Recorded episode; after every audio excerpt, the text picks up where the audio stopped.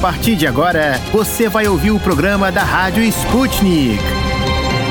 Olá, ouvintes. Meu nome é Francine Augusto. Estou aqui com a querida Melina Saad para apresentar o programa de hoje da Rádio Sputnik. Vamos nessa, Fran, trazer para os nossos ouvintes o que acontece de mais importante no Brasil e no mundo nesta quinta-feira, dia 10 de março. O Senado aprovou por unanimidade o projeto que cria o Sistema Nacional de Educação. O texto do senador Flávio Arnes, do Podemos do Paraná, tem a finalidade de integrar as políticas educacionais da União, dos estados e dos municípios. O objetivo é que o sistema faça o alinhamento de ações, programas e investimentos no setor de educação, num funcionamento semelhante ao Sistema Único de Saúde. A lei que aprovou o Plano Nacional de Educação, isso em 2014, já previa a criação do Sistema Nacional de Educação. O texto estabelecia a criação do sistema até a metade de 2016, mas o projeto só foi votado no Senado agora, cerca de seis anos depois. Isso porque educação devia ser prioridade, né, Fran? Pois é, Melina. O projeto segue agora para análise na Câmara dos Deputados. E falando na Câmara dos Deputados, os parlamentares aprovaram ontem na casa a urgência para votação do projeto de lei que pretende liberar a mineração em terras indígenas. Agora, o polêmico texto pode ser votado diretamente no plenário da casa, sem precisar tramitar pelas comissões temáticas. Antes mesmo da aprovação, o presidente da Câmara Arthur Lira, do PP de Alagoas, anunciou a criação de um grupo de trabalho para analisar o texto. Segundo ele, o colegiado terá duração de 30 dias e o projeto deve ser votado no plenário entre os dias 12 e 14 de abril. Enquanto o regime de urgência era votado, milhares de pessoas participaram de um ato contra o PL e o que classificavam de desmonte ambiental. A manifestação contou com a participação de artistas, lideranças indígenas e movimentos sociais sociais. Na cena internacional, o conflito na Ucrânia continua mobilizando as discussões. O chanceler russo Sergei Lavrov afirmou que a Rússia quis resolver questões com a Ucrânia por vias diplomáticas até o último momento. A declaração foi feita após as negociações com o seu homólogo ucraniano Dmitry Kuba, em Antalya, na Turquia. As conversações duraram 90 minutos e contaram com a participação do ministro das Relações Exteriores turco, Mevlut Cavusoglu. Lavrov ressaltou ressaltou ainda que na última rodada de negociações, a Rússia concedeu à Ucrânia propostas concretas para normalizar a situação. Durante a reunião, o chanceler declarou que Moscou não quer a militarização da Ucrânia. Em sua declaração, Lavrov afirmou também que a mídia ocidental está manipulando as informações quanto a um hospital de maternidade em Mariupol. O chanceler ressaltou que a nossa delegação russa na ONU apresentou fatos de que aquele hospital já estava sendo usado como base por radicais do batalhão Azov, que teriam expulsado do local os funcionários da unidade. O Conselho do Fundo Monetário Internacional aprovou um financiamento emergencial de 1,4 bilhões de dólares, cerca de 5 bilhões de reais, com o objetivo de ajudar a Ucrânia. E os mercados globais reagiram com otimismo ontem à adoção de um tom menos agressivo pela Rússia quanto aos seus objetivos na Ucrânia, bem como pelas expectativas sobre o aumento da oferta de petróleo. Refletindo menor aversão ao risco, risco, o dólar perdeu o valor diante de 17 moedas de países emergentes, considerando uma lista de 24 divisas, segundo informou o jornal Folha de São Paulo. Depois desse giro de notícias, que tal vermos o que nós preparamos para o programa de hoje? E no programa de hoje. No Destrinchando a Charada Brasil, saiba mais sobre o imposto de renda solidário e também sobre a percepção dos brasileiros sobre as mudanças climáticas. No Bombando no YouTube, QI da metade dos americanos diminuiu por conta da exposição ao gás de chumbo. No Música Rara de hoje, vamos falar sobre três obras do compositor gaúcho Armando Albuquerque. O Deu Russo, que é o nosso quadro de histórias bizarras da Rússia, vai contar a história de um casório que tinha tudo para dar errado por causa de uma pista de patinação natural. Destrinchando a Charada. De dentro e fora do Brasil. Política, economia, sociedade e tudo que engloba o maior país da América Latina.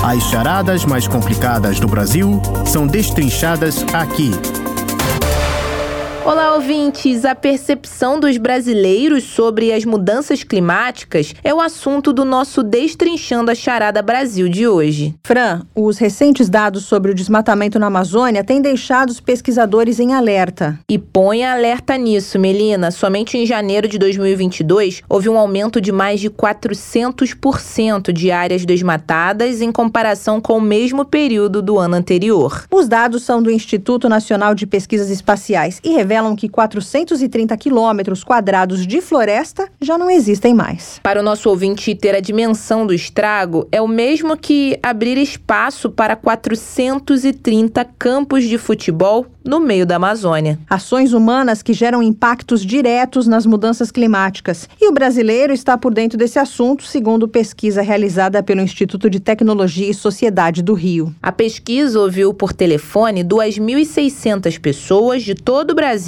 e buscou saber o que os brasileiros conhecem sobre meio ambiente e também o que pensam em relação às ações para enfrentar o aquecimento global. E para falar sobre os resultados da pesquisa, a gente convidou o diretor executivo do Instituto de Tecnologia e Sociedade do Rio, Fábio Steibel. Olá, Fábio, é um prazer conversar com você aqui na Rádio Sputnik. A pesquisa mostrou que a sociedade brasileira está sim preocupada com as mudanças climáticas. Mas como os brasileiros fazem para se informar sobre esse tema? A gente vê uma realidade de como é que é o ecossistema de informação que nós temos hoje, né? Então, as pessoas, elas se preocupam com o clima, elas recebem informação sobre isso, mas a gente tem uma certa diversidade de públicos que recebem isso. Quando a gente olha em grau de conhecimento da temática, em geral, quatro em cinco pessoas sentem que conhecem, pelo menos mais ou menos, o tema do clima. Nós temos algumas pessoas que conhecem mais, são aquelas que têm internet, são aquelas que têm um grau de escolaridade maior, são as pessoas que têm maior renda, mas, em geral, 4 em 10 pessoas acham que elas têm algum conhecimento. Da onde esse conhecimento vem? Uma das grandes fontes é a internet. Então, a gente pode ter aí o WhatsApp como uma das fontes que estão sendo utilizadas para informação, mas tem uma informação também que vem de primeira mão, como, por exemplo, da igreja, e você tem uma outra fonte que são o jornalismo. E talvez aqui a gente tenha um fato importante que é o seguinte, e essa é uma diferença do Brasil com os Estados Unidos, por exemplo. A percepção do clima aqui, ela é muito próxima, né? 77% das pessoas pessoas no Brasil acham que ah, o crescimento global tem impacto muito grande na própria família. Esse número nos Estados Unidos é bem mais baixo, em torno de 25%.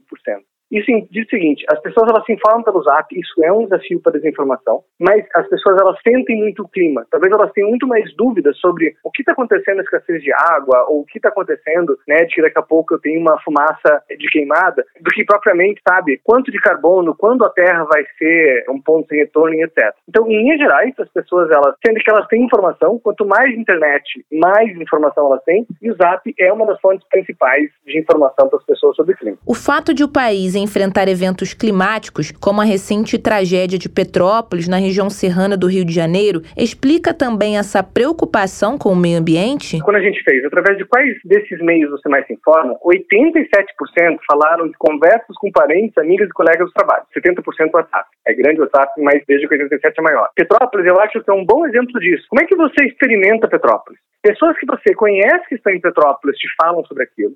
A sua relação com a própria cidade de Petrópolis te fala sobre isso. Então, vai vir aquela informação de por que, que aconteceu, que a chuva foi maior e etc. Mas vai vir também informação, sabe, daquela vaquinha pro professor que perdeu, sabe, a mulher e os filhos e colecionava gibi. Então, é muito próxima essa informação. O WhatsApp, ele talvez tenha essas duas camadas. O primeiro, ele conecta pessoas, e aí você tem um canal direto de quem é que está lá em Petrópolis ou de quem é que está lá nas queimadas. E um segundo, ele conecta notícias, né? Os links de informação são passados por ali. Fábio, a preocupação com o meio ambiente é da sociedade como um todo ou ela é específica de alguns grupos? A Amazônia é uma preocupação hoje da sociedade brasileira? Na verdade, quando a gente olha o grau de preocupação, a gente vai ter 81% acham que o aquecimento global prejudica muito as famílias esquerda e 69% a direita, 78% ao centro. 69 para 81 é uma diferença muito pequena e os dois números são altos. Então, um dos mitos que essa pesquisa derruba é de que o aquecimento global ele é de uma bolha ou ele é de uma inclinação ideológica. Na verdade, o que você tem claro aqui é que todo mundo se preocupa, mas pessoas que são mais esquerdas se preocupam mais. Isso é diferente dos Estados Unidos, onde você tem um, gap, né, um abismo entre esquerda e direita muito maior. Então, nos Estados Unidos, você tem um partido que se identifica bastante com a agenda climática, né, os democratas. No Brasil, você não tem isso. Nenhum partido se identifica bastante. E como o aquecimento global é muito próximo das pessoas,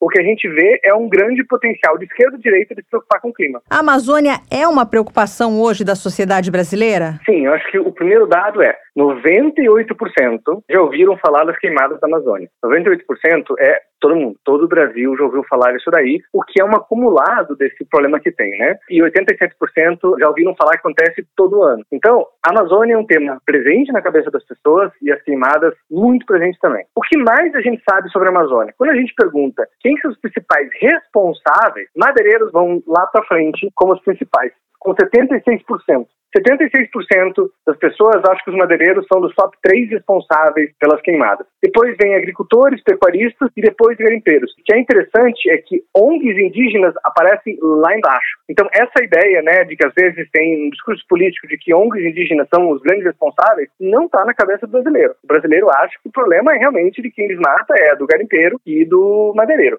Esses são os grandes responsáveis. Quando a gente perguntou sobre quem é que seria capaz de fazer uma mudança, ou seja, quem que é o responsável por alterar, o top 3 é o governo. Não só os políticos, mas o governo em geral, com 50%. Então, isso indica o seguinte, que há uma identificação com um grupo do setor privado bastante de práticas bastante nocivas, isso está na cabeça do brasileiro, e que o governo é o grande responsável por resolver esse problema das queimadas. E aí, associado a isso, eu acho que tem um dado que a gente traz que é importante, que é a, quantidade de pessoas que se preocupam com a percepção das queimadas da Amazônia no internacional. Eu acho que é 8 em 10 pessoas se preocupam que as queimadas atrapalhem a percepção do Brasil no estrangeiro. Então tem uma percepção, sabe, de que é uma vergonha nacional a gente ter essas queimadas e que isso prejudica o negócio. E isso eu acho que dá o grau de importância que o brasileiro atribui, não só à Amazônia, mas também a essa forma pejorativa que a gente tem de ter as queimadas descontroladas. A pesquisa apontou também que a população percebeu que houve aumento das queimadas ao longo dos últimos anos. Como esse resultado apareceu? Talvez um pouco da polarização.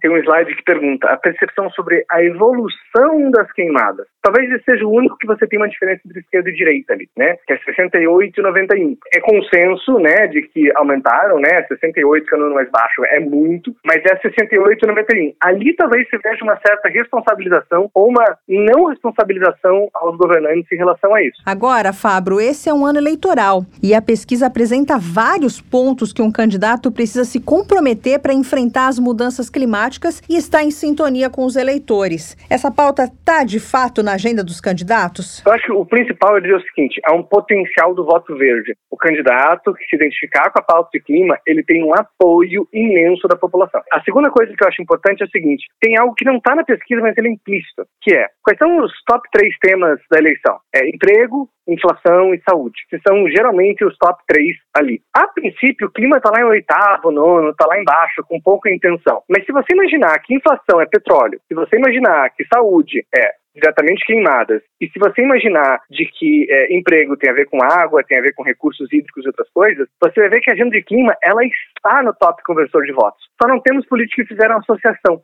Ninguém falou de que o fato da gente ter o etanol ou da gente ter hidrelétricas tem que ser incentivado para baixar a inflação. Ninguém fez essa agenda, certo? A gente está com esse tema órfão. Talvez nessa eleição, que agora já está quase ali, talvez não apareça esse político que aparece ali. Mas eu acho que está claro de que o campo está aberto. Se aquele político quiser se identificar com o clima e conseguir ver as pessoas puxarem a percepção de clima para ele, ganha muitos votos com isso. Então, a agenda do Brasil de longo prazo depende dessa conexão da agenda do clima à agenda eleitoral. Diante de todos esses dados, qual o que chamou mais a atenção de vocês? Olha, o dado mais impressionante é o mais óbvio. 98% dos brasileiros brasileiros se preocupam muito com o aquecimento global e com as queimadas. Esse é o grande dado, ou seja, qualquer pessoa que falar que o brasileiro não se preocupa com o clima é fake news. E está claramente em desacordo com o que os números dizem. E significa você dizer que, sabe, basicamente todo mundo está preocupado com o clima. Significa que é uma agenda que une o país, não é uma agenda que polariza. E essa é a possibilidade e a necessidade que a gente tem nesse momento. O Brasil ele pode liderar essa agenda verde, o mercado de carbono está aí, a Amazônia é um potencial enorme, a agenda verde no Brasil ela é super bem desenvolvida. Se tem uma potência aí desse Brasil do futuro, é justamente esse Brasil verde. E isso a população apoia 98%. Obrigada, Fabro, pela sua participação aqui na Rádio Sputnik. E nunca é demais lembrar que reduzir as chances da temperatura da Terra aumentar é a única forma de manter a espécie humana viva, né, Melina? Com certeza, Fran. Agora a gente fala sobre um outro tema que também gera apreensão, que é o imposto de renda. Continuamos trazendo informação e prestação de serviços, né, Melina? Isso mesmo, Fran. Você já declarou seu imposto de renda? Ainda não, Melina. O período de declaração começou essa semana. Ainda tenho até 29 de abril para entregar a minha declaração. Olha, eu também não fiz a minha, mas não pode deixar também para última hora, né? E verdade, com certeza não, porque aí é um Deus nos acuda. Muita gente tem a mesma dificuldade na hora de acertar as contas com o leão e acaba tendo que gastar com o contador. E com tantas mudanças que a Receita faz todo ano, qualquer errinho pode fazer o contribuinte cair na temida malha fina falta de atenção, erro, falta de documentos podem custar caro, viu, Fran? Ah, pode mesmo, viu? Em vez de receber a restituição, o contribuinte pode ter que refazer a declaração, que dá um baita trabalho, viu? Já pensou, Fran? Se no lugar da restituição, que sempre chega em boa hora, ter que pagar 75% da multa do imposto devido. Olha só que prejuízo. No ano passado, quase 870 mil contribuintes caíram na malha fina. O principal motivo foi a omissão de rendimentos, com 41,4% das ocorrências, seguido por falta de comprovação de dedução. Por esses motivos, 30,9% das declarações ficaram retidas em 2021. Inclusive, o curso de Ciências Contábeis da Universidade Presbiteriana Mackenzie está promovendo a campanha Imposto de Renda Solidário. O serviço começa no dia 10 de março, hoje, e vai até o dia 20 de abril. Para esclarecer melhor as dúvidas, nós vamos falar com Murilo Torelli, professor de Ciências Contábeis da Universidade Presbiteriana do Mackenzie. Professor, como funciona esse projeto que ajuda as pessoas que têm dificuldades a declarar o imposto de renda? O projeto IR Solidário do Mackenzie já tem alguns anos, aproximadamente 12 anos anos que o Mackenzie faz esse tipo de atendimento. A ideia é atender os contribuintes que têm dificuldades em relação ao imposto de renda pessoa física, no processo de preenchimento, no processo de entendimento da cidadania fiscal. O Mackenzie no passado executava a declaração e agora, por ser online os atendimentos, as declarações são apenas compartilhadas e o contribuinte pode tirar as dúvidas que ele tem sobre a declaração. A ideia é mostrar todo o processo de preenchimento, mas que o contribuinte tenha capacidade e até um autodesenvolvimento de preencher a própria declaração e enviar. Mas o, o, projeto é composto por alunos do curso de Ciências Contábeis, do curso de Administração, do curso de Economia e do curso de Direito. Acompanhados de professores, esses alunos vão atender os contribuintes por meio de uma chamada online de vídeo, um site chamado Setmore. O site oficial é irmackenzie.setmore.com. E aí o contribuinte faz o agendamento e no dia que ele agendou, ele vai entrar nessa chamada de vídeo e os professores com os alunos dessas cursos de graduação vão auxiliar aí os contribuintes tirando as dúvidas e como principal projeto, eu disse, é apresentar a cidadania fiscal. Como conseguir ajuda? Só dá para pedir pessoalmente para quem mora em São Paulo ou também online é preciso pedir esse suporte? Como a atividade de atendimento é online, não tem atendimento presencial físico, os contribuintes do Brasil e do mundo podem participar desse atendimento. Isso é bem interessante porque não requer esse deslocamento físico do contribuinte e com o próprio smartphone ele consegue participar dessa videochamada agendada e ele consegue tirar as dúvidas também e compreender sobre o imposto de renda. Então é bem funcional para esses contribuintes de qualquer lugar do Brasil, não fica limitado ao escopo dos contribuintes da região central de São Paulo quando o atendimento era presencial. Agora no atendimento online nós estamos abertos para os contribuintes aí do Brasil inteiro para ajudar eles nesse processo processo de preenchimento, dúvidas da declaração e aprendizagem da cidadania fiscal. E essa ajuda do Mackenzie é totalmente gratuita? Qualquer um pode pedir ajuda ou tem algum custo? É totalmente gratuita, o Mackenzie não cobra nada por isso. No passado a gente cobrava até um quilo de alimento quando o atendimento era presencial, agora no atendimento virtual não tem custo nenhum. É claro, essa ideia do atendimento virtual é atender pessoas sem capacidade técnica, sem capacidade de conhecimento sobre o assunto. A ideia é atender contribuintes de baixa renda sobre esses fatos. Alguns fatos, como rendimento recebido acumuladamente, declaração de espólio, declaração de ajuste para a saída definitiva do país, não estão no escopo do IR solidário. Essas declarações devem ser feitas por um contador habilitado, não pelos alunos do curso. A ideia é atender contribuinte que realmente não tem renda, não tem capacidade financeira de pagar um profissional contábil, está executando a própria declaração e tem algumas dúvidas. Mas o, o serviço está aberto para toda a população. Esse foi o Murilo Torelli, professor de Ciências Contábeis do Mackenzie, falando sobre esse projeto tão útil para quem não tem a menor menor ideia sobre como declarar o imposto de renda. É isso aí, prestação de serviço. E o melhor, é de graça. Obrigada e até uma próxima vez, professor. E a gente não para por aqui. Nossa conversa continua com o Ricardo Lodge, que é reitor da UERJ, professor de Direito Financeiro e advogado de Direito Tributário. E você, Melina, já pensou em doar a sua restituição para instituições de caridade? Eu não, Fran, porque eu nem sabia que isso era possível. Pois é, e o professor informa agora pra gente que o contribuinte que quiser doar a restituição para alguma instituição de caridade deve proceder de uma maneira específica, não é mesmo, Ricardo? O contribuinte, seja pessoa física ou jurídica do imposto de renda, que não calculasse seu IR pelo desconto simplificado, já podia, desde 2010, por meio da Lei Federal 12.213, deduzir do cálculo do imposto devido o valor referente a doações feitas a fundos controlados pelos conselhos municipais, estaduais e nacional, dos direitos da criança e do adolescente e pelos conselhos municipais, estaduais e nacional do idoso. Essa dedução podia ser feita pelo próprio programa da Receita Federal, desde que o contribuinte tivesse prova do recibo assinado pela pessoa competente para tal e pelo presidente da organização e as informações da instituição perante a qual a doação foi feita no ano calendário anterior. A novidade trazida pela Lei 13.797 de 2019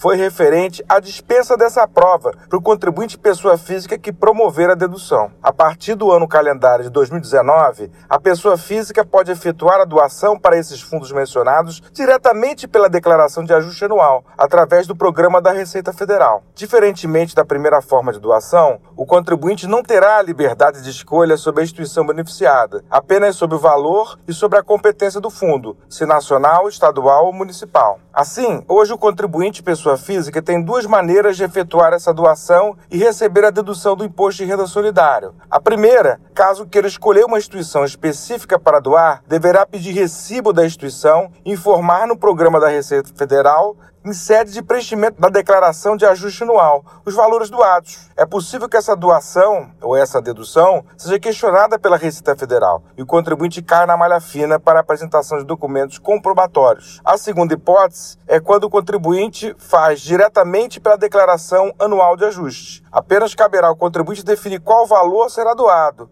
e o sistema da Receita Federal emitirá um DARF para pagamento da doação, que deverá ser efetuada em até 30 dias. A dedução para essa doação está limitada ao percentual de 3% para cada fundo, que será aplicado sob imposto de renda devido na apuração da declaração. Se o contribuinte tem direito à restituição do imposto, o valor doado mediante DARF é acrescido ao cálculo da restituição, que será recebido no período apropriado. É importante destacar que um método de doação não exclui o outro nem exclui ou reduz outros benefícios e possibilidades de dedução hoje em vigor, desde que o contribuinte respeite o limite global de dedução de 6% do imposto de renda devido apurado na declaração. Houve alguma alteração a respeito disso em relação ao ano anterior? A Receita também não promoveu alterações no procedimento para o exercício de 2022 das deduções feitas diretamente pela declaração de ajuste anual do imposto de renda da pessoa física, de acordo com a Instrução Normativa 2065 de 2022. Então a, a última novidade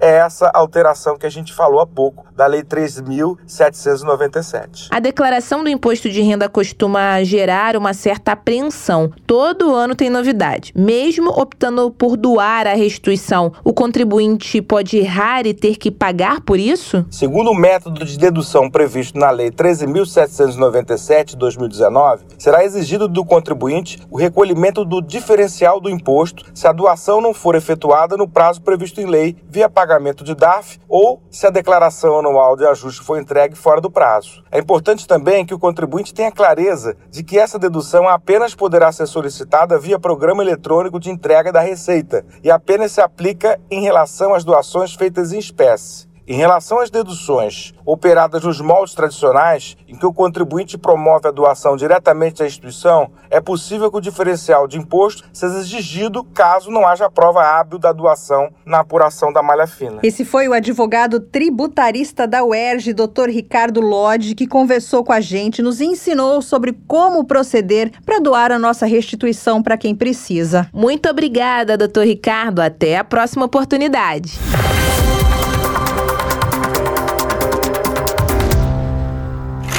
Bombando no YouTube. Curtidas e mais curtidas da Rússia ao Brasil. Confira com a Rádio Sputnik os vídeos que receberam mais likes e visualizações e estão no topo do YouTube. E fique por dentro do que está sendo filmado por amadores ou profissionais pelo mundo afora.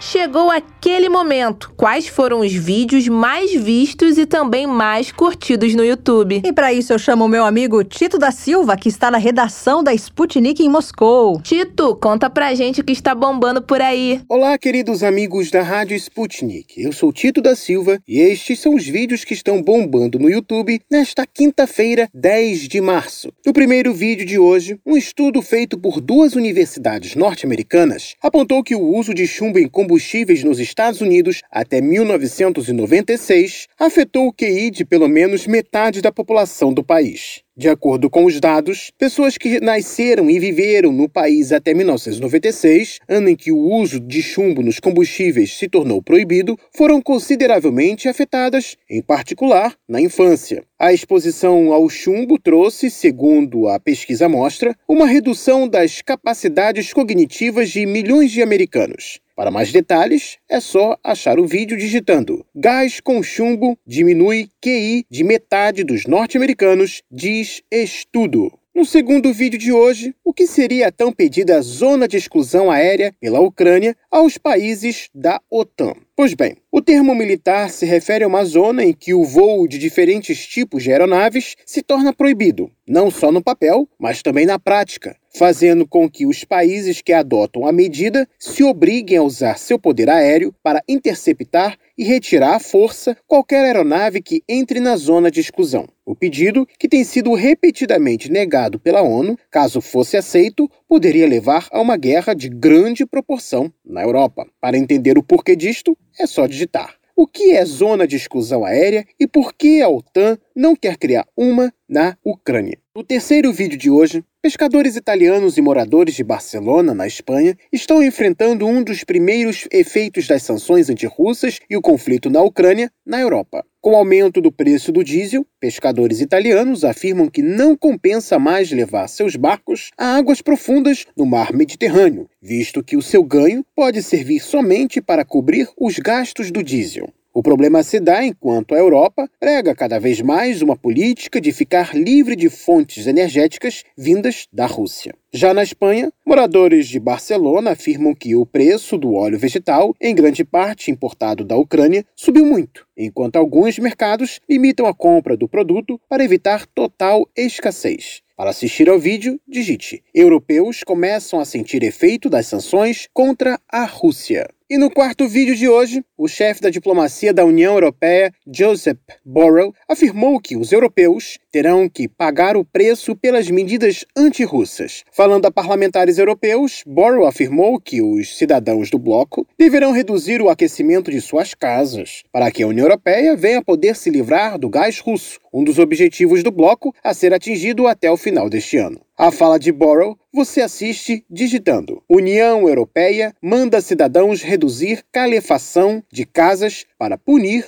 a Rússia. E no quinto vídeo de hoje, o canal Fatos Desconhecidos fez uma experiência bem bacana que levou 24 horas. Pois bem, o canal resolveu misturar Coca-Cola com leite. Depois de um dia de espera, a bebida acabou ficando quase toda transparente devido a uma reação química. Mas o gosto continuou mesmo de Coca-Cola. E por hoje é tudo, pessoal. Até mais. Fran, segundo os pesquisadores, a geração que mais sofreu com os efeitos do chumbo nasceu entre 1966 e 1970. Nem eu, nem você, se estivéssemos nos Estados Unidos, estaríamos nessa faixa. É, nós não vamos falar aqui qual a nossa idade, né, Fran? Mas brincadeiras à parte, porque esse é um assunto sério, não há níveis seguros para exposição do chumbo, que é uma substância neurotóxica. Tito, amanhã você volta volta. A gente espera até sexta-feira.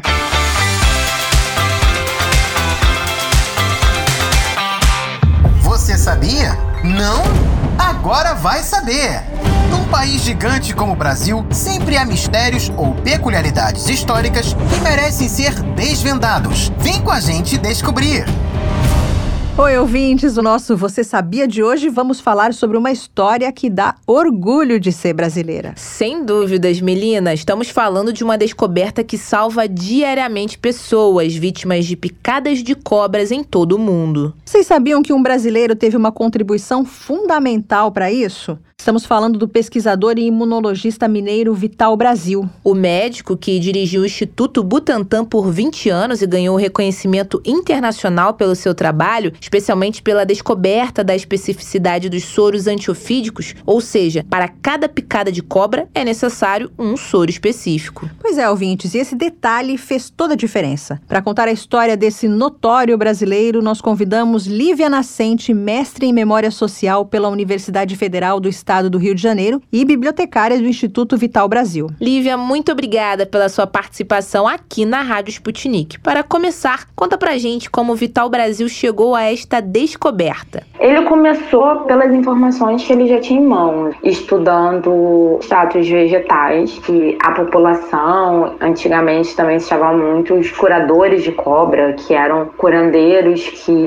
a população acreditava que tinha essa capacidade de curar pessoas que fossem fossem mordidas por serpentes. Ele reuniu todos esses conhecimentos e começou a estudar no laboratório dele, no fundo da casa dele em Botucatu, para ver se esses extratos de planta realmente tinham alguma propriedade antitóxica. Infelizmente, as pesquisas dele foram frustradas até que ele se depara com um resumo do trabalho de um médico francês chamado Albert Calmet, que estava na Indochina, que era uma colônia francesa. O Calmet também estava estudando estudando a questão de um tratamento antiofídico, só que eu estava estudando a partir da soroterapia. Na Europa já tinha aí um know-how em relação à produção de soros e vacinas e o Calmet estava seguindo essa linha de inocular um animal de médio grande porte com veneno de serpente, extrair os anticorpos desses animais para a produção de soro, que também é uma ideia que não era nova. As sociedades ameríndias e algumas sociedades africanas e asiáticas já tinham esse conhecimento. Então, juntando esses conhecimentos milenares com o que sabia de mais recente na medicina moderna, Calmette juntou essas expertises e criou, em meados de 1896, o soro antiofídico e que foi produzido com veneno da nágia, que é uma espécie típica da Ásia. Então, a partir daí, Vital Brasil começa a fazer uma série de pesquisas para a produção do soro ele abandona toda a pesquisa relacionada aos extratos vegetais e começa a partir da imunização. Em Botucatu, Vital Brasil não tinha aparatos tecnológicos suficientes para continuar a pesquisa. Então ele se candidata a uma vaga no Instituto Bacteriológico em São Paulo e lá ele tem o apoio do então diretor, né, do Adolfo Lutz, para continuar as pesquisas dele antiofídicas. E aí ele tem acesso ao soro de Calmette e ele percebe que o soro não funciona para neutralizar os venenos das serpentes brasileiras. Isso era uma coisa que para ele não surpreendeu muito, porque ele já tinha percebido que existia diferenças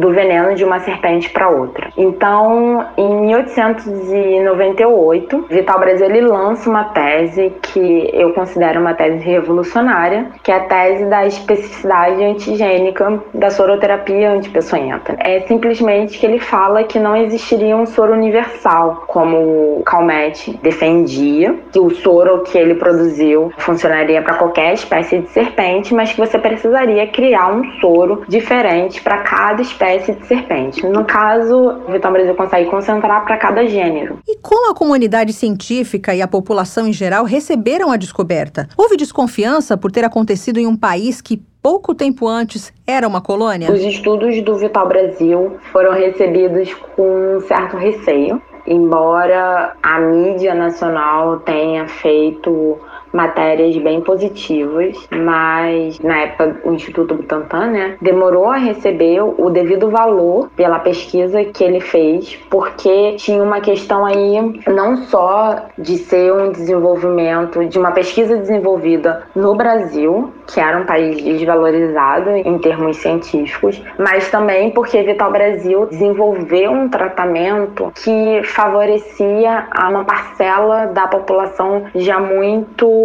invisível. As maiores vítimas dos acidentes ofídicos eram a população pobre rural. A tese da especificidade antigênica do soro antiofídico defendida por Vital Brasil, né, desenvolvida e criada por Vital Brasil, ela não foi nem um pouco bem recebida pela comunidade médica internacional, justamente porque ela gerou um embate direto com um médico francês de grande prestígio internacional. Então a soroterapia, ela já estava minimamente estruturada pelo menos no estado de São Paulo, entre a década de 10 e de 20, que foi o período que Vital Brasil era diretor do Instituto Butantan. Ele fazia todo o sistema de permuta desses soros. Os agricultores, quando estavam trabalhando, se encontrassem serpentes peçonhentas, eles capturavam essas serpentes e enviavam para o Butantan e em troca recebiam as ampolas e as seringas de soro de forma gratuita. Então já estava tendo uma aceitação popular muito melhor da soroterapia, embora ainda não chegasse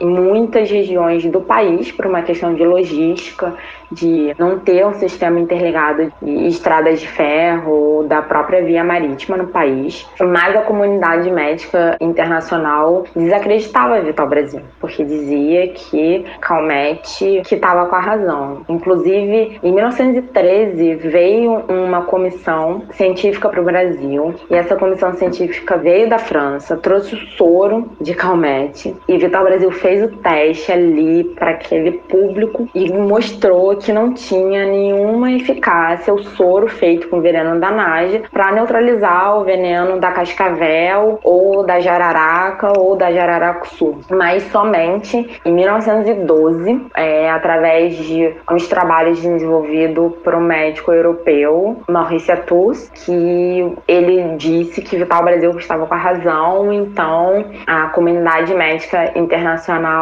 passou a dar crédito ao trabalho e à tese da especificidade antigênica inaugurada por Vital Brasil. E qual foi o impacto dessa descoberta para o Brasil? O impacto da descoberta no Brasil foi menor do que o próprio cientista desejaria, porque a visão do Vital Brasil foi assim muito inspiradora, né? Ele não se contentou em desenvolver um tratamento que já foi um trabalho muito árduo de desenvolver tratamentos, né? Porque é, a partir do momento que ele percebe, que ele desenvolve a tese da especificidade antigênica da soroterapia antiofídica, ele tem que desenvolver tratamentos que o princípio pode ser o mesmo, né? Você inocular o veneno no cavalo, tirar o anticorpo para produzir o veneno, mas a questão da quantidade de veneno inoculado dos antígenos, isso varia de espécie de serpente para espécie de serpente. Quantidade de ampolas que tem que ser administradas, porque a potência dos venenos variam. E Vital Brasil não se limitou a esse trabalho que para mim já é hercúleo. Ele ainda desenvolveu todo um programa para garantir o acesso a esse medicamento, que é o sistema de permutas. Então ele trouxe a comunidade para trabalhar primeiro junto com o Butantan, depois junto com o Instituto Vital Brasil, capturando as serpentes. Então ele sabia aonde cada espécie tinha uma população maior, o número de serpentes que recebia por estações, ele também conseguiu mapear qual era a frequência dos acidentes, geralmente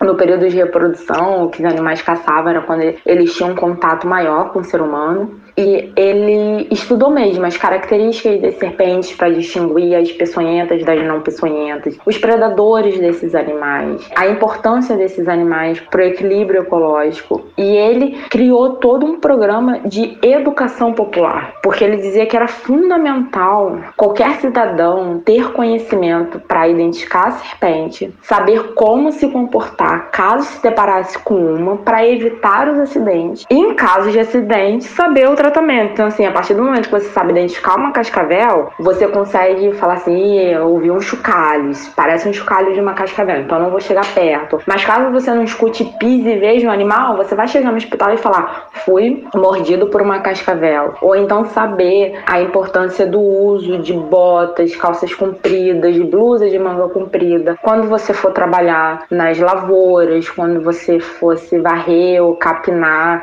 quintais ou terrenos para evitar os acidentes. Então, o projeto para a nação brasileira e também para a América Latina como um todo era, de fato, difundir uma cultura científica prática e que Vital Brasil também não se restringiu à questão das serpentes, mas enfim, esse é o objeto pelo qual ele é mais conhecido. Mas ele pensou em toda uma educação popular. Num quadro geral, qual foi a importância dos estudos de Vital Brasil para a sociedade? Bem, a importância da criação da soroterapia específica antiofídica foi você disponibilizar para a população, não só no Brasil como no mundo, de um tratamento que até hoje é o único eficaz, capaz de neutralizar as toxinas das serpentes. Né? Então, é um ganho e é um marco impressionante no desenvolvimento da medicina e que abriu as portas para você criar a soroterapia para o tratamento de acidentes com outros animais peçonhentos, como os escorpiões, as aranhas, e mais recentemente, que é um trabalho que o Instituto está desenvolvendo, que é de abelhas africanizadas. Falando agora sobre esse grande brasileiro, o que você poderia nos contar sobre a vida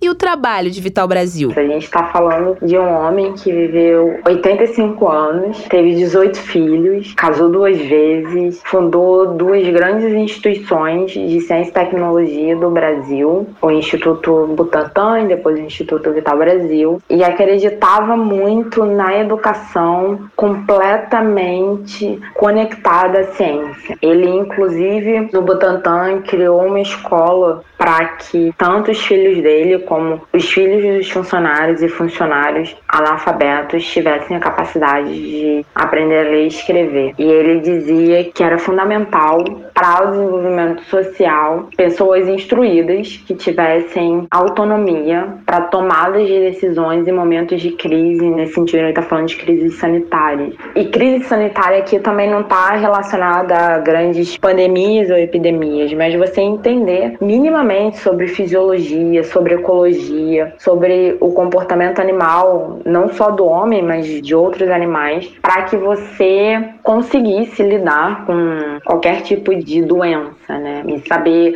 a hora certa de procurar o médico, de proceder primeiros socorros. Ele sempre tentou associar a pesquisa, pesquisou, achou alguns resultados positivos, encontrou solução para algum problema sanitário, a divulgação sempre com uma linguagem simples, falando não só para médicos e outros agentes de saúde, mas principalmente para a população em geral, para que essas pessoas tivessem conhecimento do que estava sendo feito no âmbito institucional. Isso era um, algo inerente ao trabalho do Vital Brasil. Então, hoje a gente fala muito de instituições de portas abertas. O Vital Brasil já fazia isso desde 1901, desde do Butantã e Serpentário e outras dependências do Butantã eram abertas para visitas orientadas. A ideia de demonstrações públicas de extração de veneno para que as pessoas entendessem como era o processo. Fez parte do programa educativo, não só para a população é, em geral, mas para as próprias entidades governamentais, porque ele também precisava sensibilizar é, os governantes para que tivesse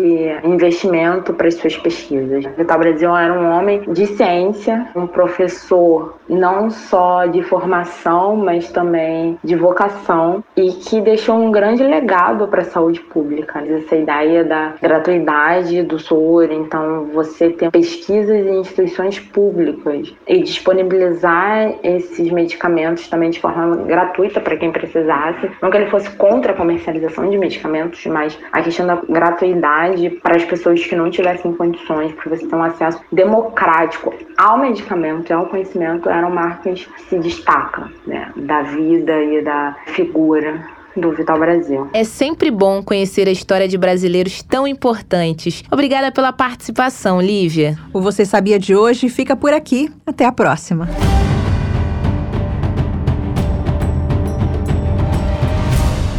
Mistura do Brasil com Moscou. A mistura agora é com a Rússia e a coreografia já está pronta. Com os gingados russos e brasileiros, as relações estão em sintonia entre estes dois gigantes. Em parceria com o projeto Música Rara Brasileira, a Rádio Sputnik tem o prazer de anunciar três obras do compositor gaúcho Armando Albuquerque, Quase Noturno, Tarde e Valsa, interpretadas pela pianista búlgara Iolina Dimitrova. E para conhecermos melhor a vida e a obra de Armando Albuquerque, nós convidamos o compositor e pianista Celso Loureiro Chaves, que foi aluno do compositor gaúcho e também é seu biógrafo. Oi, Celso, seja bem-vindo à Rádio Sputnik. Para começar, o senhor poderia nos contar um pouco sobre Armando Albuquerque e sua trajetória? Armando Albuquerque nasceu em 1901 em Porto Alegre. Eu desconheço se ele estudou música desde criança, mas o certo é que ele teve uma formação como violinista e assim se diplomou como violinista no Instituto de Belas Artes, que hoje é o Instituto de Artes da Universidade Federal do Rio Grande do Sul, e ali ele foi colega de outros dois compositores rio-grandenses, que são Luiz Cosme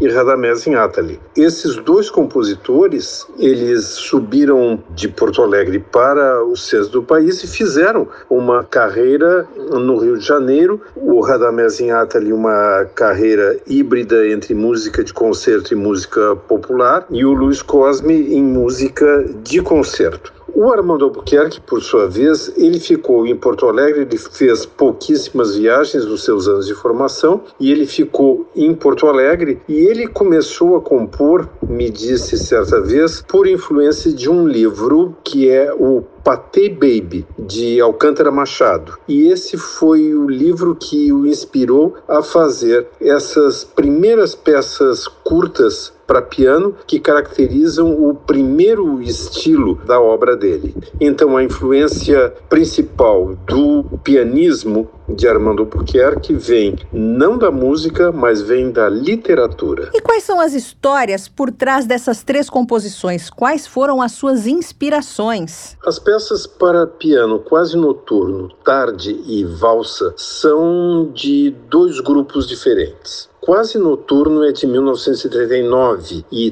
Tarde é de 1940 e fazem parte de uma genealogia de obras curtas para piano que foi iniciada ainda em 1926 com uma peça Paté Baby, inspirada no livro do Alcântara Machado. Quase Noturno e Tarde são peças curtas e se afasta um pouquinho da música da década de 20, do início da década de 30, que tem um teor mais agressivo no tratamento do piano. Tanto Quase Noturno quanto Tarde são obras bastante mais reflexivas do que as peças do final dos anos 20 início dos anos 30. Valsa já é de outro período. A valsa é de 1952, ela pertence à suíte para piano que ele chamou de Suíte Infantil 1952, que é dedicada aos filhos do Armando. Não há nada de infantil, no entanto, na suíte infantil 1952 e são peças realmente bastante complicadas de tocar. Tanto a introdução, quanto a marcha, quanto a luta do si bemol, quanto o si quadro, que são os outros movimentos, e quanto a valsa, que exige do pianista uma absoluta maleabilidade no tratamento do tempo para que ela seja realmente uma peça típica do Armando. Entre as três peças, qual foi a mais significativa para a carreira de Albuquerque? Talvez dessas três peças para piano, a mais significativa seja realmente a valsa. Isso porque a valsa ela foi publicada na Alemanha e foi uh, uma das únicas publicações de música do Armando Albuquerque no exterior e disso ele se orgulhava muito. E talvez dessa publicação na Alemanha, numa coleção de música para piano contemporânea do Brasil, que venha a impressão que valsa é uma obra autônoma, quando na realidade ela pertence a uma suíte de quatro movimentos, que é a suíte infantil 1952. Enquanto ex-aluno, biógrafo e pianista que já interpretou essas peças, qual delas mais te sensibiliza e por quê? Provavelmente a valsa seja a que dê mais vazão ao Armando Albuquerque, eu hesito em usar a palavra, mas enfim, ao Armando Albuquerque romântico. E faz todo sentido dentro da suíte infantil 1952, a qual ela pertence, porque é uma obra que destoa, por exemplo, da agressividade da marcha que vem logo antes, e do movimento final, que é a luta do si bemol contra o si quadro, que também tem uma agressividade latente e às vezes até manifesta. E aí realmente tem um bom equilíbrio, um pianista de boa sensibilidade consegue mudar a luz da sua interpretação para passar de um movimento para outro e adentrar na sensibilidade da valsa da suíte 1952. E quanto à sua trajetória na música e na composição, Celso Albuquerque foi uma referência, uma inspiração profissional para o senhor? Eu nasci em Porto Alegre em 1950, eu estudo música desde os seis anos de idade e eu acho que a minha grande influência é na composição realmente o Armando Albuquerque. Ele é, eu não diria nem influência, a minha música não tem nada a ver com a música do Armando, eu diria que o Armando é o meu modelo na composição, assim como Zuleika Rosa Guedes vai ser o meu modelo no meu pianismo. E eu creio que o conhecimento com primeiro o Armando professor de composição e depois o Armando compositor abriu muito os meus horizontes sobre primeiro o que é música, segundo o que é fazer música, terceiro qual é a ética do fazer música e quarto é possível fazer música relevante, de qualidade, importante para a música brasileira, sem sair da sua terra natal. Assim, nesse sentido é que o Armando é um dos meus modelos. Para encerrarmos, Celso, o senhor poderia destacar as principais características do compositor Armando Albuquerque? Independência, independência e independência. Independência como compositor. Ele nunca se filiou a nenhuma escola, mesmo nos inúmeros debates que assaltaram a música de concerto brasileira no tempo em que Armando compôs. Ele sempre foi um compositor independente. Como professor, ele tinha esse mote, o de propiciar, até de incentivar a independência dos seus alunos para que eles fossem os seus entendimentos pessoais, que os alunos tivessem a sua própria melhor personalidade que pudessem vir a ser, sem seguir algum modelo de compositor e sem seguir nem mesmo o Armando, que era compositor de grande profundidade nas suas obras e um professor também excepcional de harmonia e de contraponto. E também a independência do Armando em termos de ética como músico. Ele também se manteve ao largo de tantas discussões mas formou uma personalidade ética como músico e como compositor exemplar e isso ele passava integralmente para os seus alunos e ainda hoje tantos anos depois eu me vejo às vezes recordando lições do Armando, mas não apenas lições de música, mas também lições de ética. Celso, muito obrigada por conversar com a gente sobre as composições de Armando Albuquerque. Um forte abraço e nós esperamos recebê-lo outras vezes aqui na Rádio Sputnik. Lembrando, ouvintes, que as obras Quase Noturno, Tarde e Valsa do compositor gaúcho Armando Albuquerque serão publicadas nesta sexta-feira, 11 de março, no canal do Zenon Instituto Cultural no YouTube, a partir das 3 horas da tarde. Entre no canal do Zenon Instituto Cultural a partir das 3 da tarde, ouvintes, e vocês poderão ouvir essas composições na íntegra. Antes, é claro, nós deixamos com vocês um trechinho da obra Valsa, que nós trazemos com exclusividade, né, Fran? Muito boa, Melina.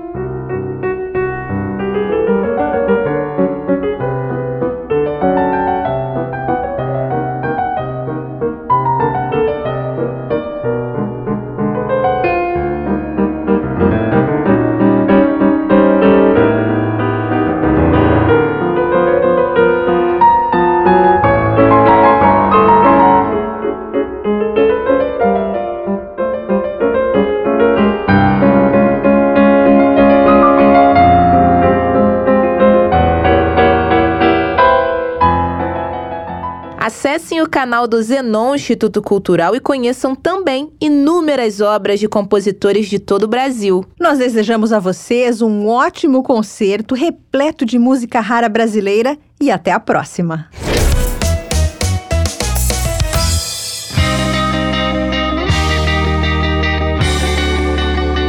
Deu Russo. De notícias bizarras do Brasil já estamos mais que saciados. E as bizarrices que acontecem na Rússia, hein? É outro nível, rapaziada. Ih, deu russo! Frio congelante e vendaval podem parecer o limite da paciência para muita gente, tudo indica que na Rússia mais um obstáculo pode ser encaixado no dia a dia. E esse obstáculo é praticamente, vamos dizer assim, pista de patinação no gelo, mas sem patins e no meio da rua. Com a primavera prestes a dar boas-vindas na Rússia, depois de um longo e rigoroso inverno, pelo visto, as pistas de patinação não estão dando mole para os pedestres. Mas como assim pistas de patinação?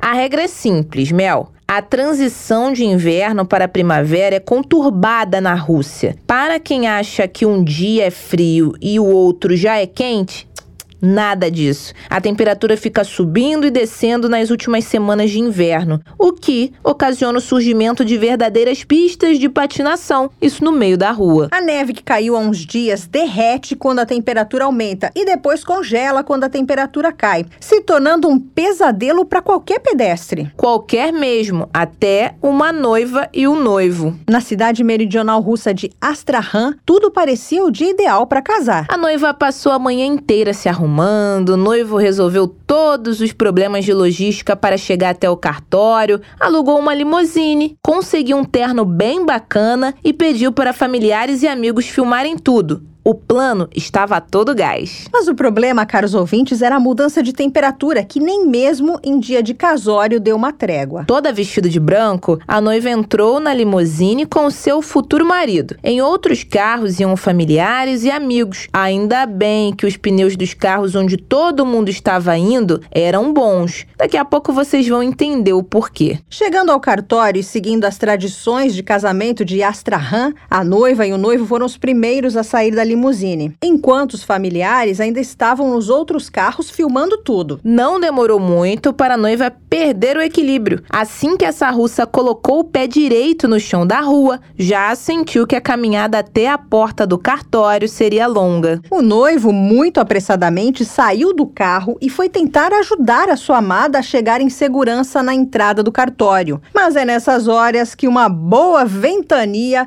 frio de trincar os dentes e um chão escorregadio entram em ação, ouvintes. Deram dois passos para a esquerda, dois passos para a direita, mas parecia que estavam dançando valsa. Enquanto isso, a tia Maria filmando tudo e dando boas gargalhadas, claro. A tia Maria foi para esse casamento para ser feliz isso é certo. Com muito esforço, os pombinhos conseguiram chegar à porta do cartório sem nenhum arranhão. Agora não podemos dizer isso dos convidados, que foram arrastados pelos ventos fortes. Isso bem na escadaria. Muita gente caiu bonito na camada de gelo que estava cobrindo o chão da rua. E isso tudo antes da celebração do matrimônio. Não vamos nos esquecer da tia Maria, que só fazia gargalhar e filmar todo mundo caindo. Engraçado é que na hora de entrar, tia Maria não filmou nada. E aí, ouvinte, será que a tia Maria caiu também na pista de patinação? Fica difícil saber, mas uma coisa é certa: nem mesmo se casar na Rússia é tarefa para fracos. Sempre vai ter uma ventania, um tempo frio ou um chão coberto de gelo. Ou então tudo isso junto esperando para encher a sua vida de obstáculos.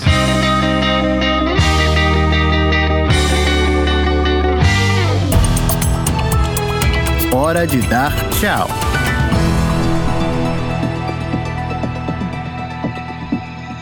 Passou rapidinho, né? O programa já acabou e essa foi a edição de quinta-feira, dia 10 de março. Mel, eu sei que os nossos ouvintes vão continuar ligados em toda a nossa programação. Para isso, basta dar uma passadinha no site da Sputnik Brasil, br.sputniknews.com, para conferir as notícias do momento. Lembrando que temos também nosso canal da Sputnik Brasil no YouTube. Não dá para perder, né? Lá os nossos ouvintes encontram os vídeos dos assuntos mais importantes do momento, tanto no Brasil Brasil como no resto do mundo. Fiquem ligados também nas informações sempre atualizadas do Twitter e no Telegram da Sputnik Brasil. Bom, por hoje é só, até sexta-feira. O programa da Rádio Sputnik teve apresentação, produção e edição de texto de Melina Saad e Francine Augusto, produção de conteúdos e edição de textos de Bárbara Pereira, Tito da Silva e Pablo Rodrigues. A edição e a montagem do programa são de Wellington Vieira e David Costa. A produção geral no Rio de Janeiro é do Everton Maia e da Angélica Fontela. E o editor-chefe da redação da Sputnik Brasil no Rio de Janeiro é o Renan Lúcio e em Moscou, Konstantin Kuznetsov. Você acabou de ouvir mais um programa da Rádio Sputnik.